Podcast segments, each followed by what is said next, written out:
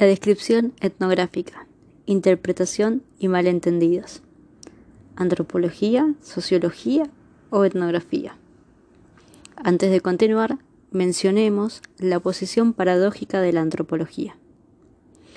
El ideal que proclama, que hoy en día es cuestionado, es el de proponer modelos universales y debatir sobre la humanidad entera, cualesquiera sean los lugares y los momentos su credo etnográfico más sólido consiste en querer reflejar las categorías nativas un poco como la historia vista desde abajo, y en buscar en las experiencias en el terreno de la huella, de los malentendidos o, o de las diferencias de interpretación entre el observador y el nativo.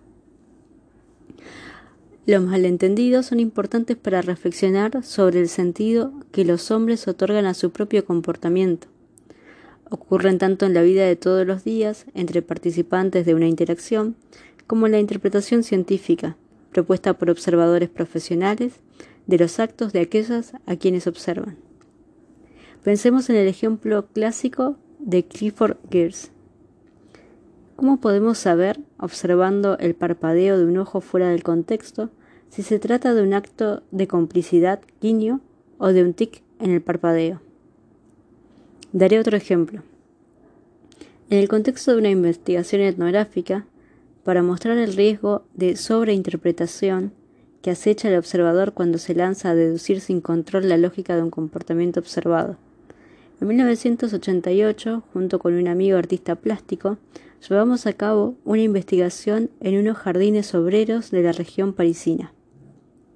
Expresamos nuestra admiración por el sorprendente color de un banco de color violeta jaspeado a nuestro interlocutor, uno de los jardineros. Este exclamó ¡Qué horror! Es un aerosol usado. Si no, jamás habríamos elegido ese ese color. Nuestra admiración como espectadores ingenuos nos había impedido imaginar las limitaciones con las que se enfrentan las instalaciones colectivas en espacios ocupados sin títulos de propiedad, que deben utilizar materiales recuperados. Sin renegar del horizonte teórico, antropológico y sociológico de mi trabajo, porque la etnografía no valdría la pena si no permitiera una mayor inteligibilidad de los comportamientos humanos y de los procesos sociales, insistiré en su vertiente más etnográfica. ¿Cómo descubrir las categorías de descripción más eficaces? Que tengan en cuenta a la vez lo que los nativos hacen y el significado que tienen para ellos mismos lo que hacen. Para llegar a captar este significado es indispensable exponer las categorías nativas de percepción y clasificación en toda su diversidad, que a veces es conflictiva, y no reemplazarlas sin saber por las categorías fabricadas en otro lado. Así Daniel le dio unas monedas a su hermana a cambio del lavado de su ropa. No le pagó ese lavado. Las categorías nativas expuestas por el etnógrafo se parecen mucho a las categorías contemporáneas del acontecimiento, reconstruidas por el historiador. Su alteridad con respecto a las categorías del observador no tiene nada de esencial ni de postulado, es operativa. Es la distancia histórica o etnográfica la que, al desnaturalizarlas, las vuelve discernibles. Los anacronismos y los etnocentrismos siempre y cuando sean explicitados por el observador, no solamente no son un obstáculo a franquear o una trampa a evitar, sino que permiten el asombro. Son verdaderas instancias de inteligibilidad. Es forzoso constatar contradictoriamente al auge de la sociología económica la debilidad actual de la antropología económica, tanto de la marxista como de la estructuralista, ligada a la crisis de los modelos universales de explicación. La antropología marxista se interesaba prioritariamente en los hechos económicos. Sus representantes franceses, muy activos en los años 70, poco a poco dejaron de producir, excepto cuando dejaron, al mismo tiempo, de ser marxistas y de interesarse en la economía. Mm. La antropología estructuralista desatendía la economía sin enfrentarse con ella. Personalmente, pertenezco a una corriente crítica poco representada en Francia, cercana a un marxismo heterodoxo y a la primera sociología de Pierre Bourdieu, más presente en el mundo anglosajón, donde la antropología social se desarrolló fuertemente a partir de la etnografía de campo y donde la historia social marxista conoció varias décadas particularmente fecundas. En Francia, el debate sobre la interpretación de los hechos económicos ha variado desde los años 70.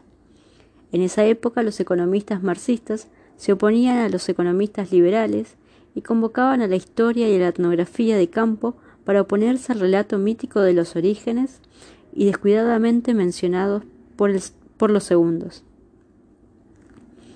A partir de ese momento, el debate opone al reduccionismo de las economías, casi todos convertidos a la teoría estándar, una especie de antieconomicismo o antieconomismo predicado por filósofos que sin sentir gran entusiasmo por los datos empíricos, releen ambos a la luz de Aristóteles y reivindican la antropología.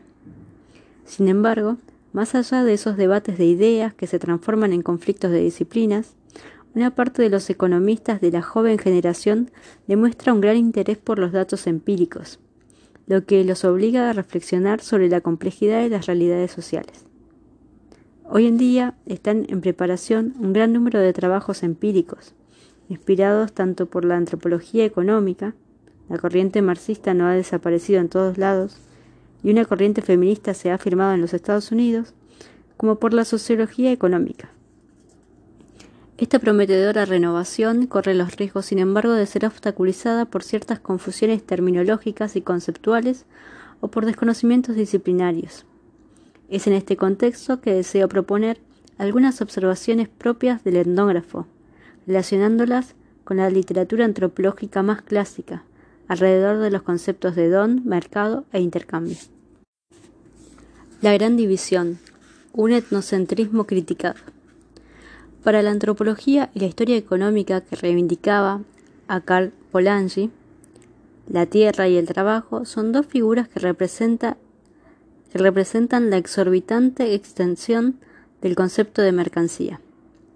Aunque los objetos fabricados para ser vendidos pueden ser legítimamente tratados como mercancías, ni la tierra ni el trabajo, por razones que son, por otra parte, diferentes en ambos casos, pueden volverse objeto de intercambios mercantiles sin la imposición por la fuerza, resultado de una economía de mercado que Polanyi describe como una utopía negativa, violenta y destructiva, y que, entre otras cosas, separa la tierra del hombre y organiza a las sociedades de manera tal que satisfaga las exigencias de un mercado inmobiliario. Es muy llamativo el tono que evoca a Rousseau que aparece en las primeras líneas de su capítulo eh, decimoquinto, intitulado El mercado y la naturaleza. Lo que llamamos tierra es un elemento de la naturaleza que está inextricablemente vinculado con las instituciones del hombre.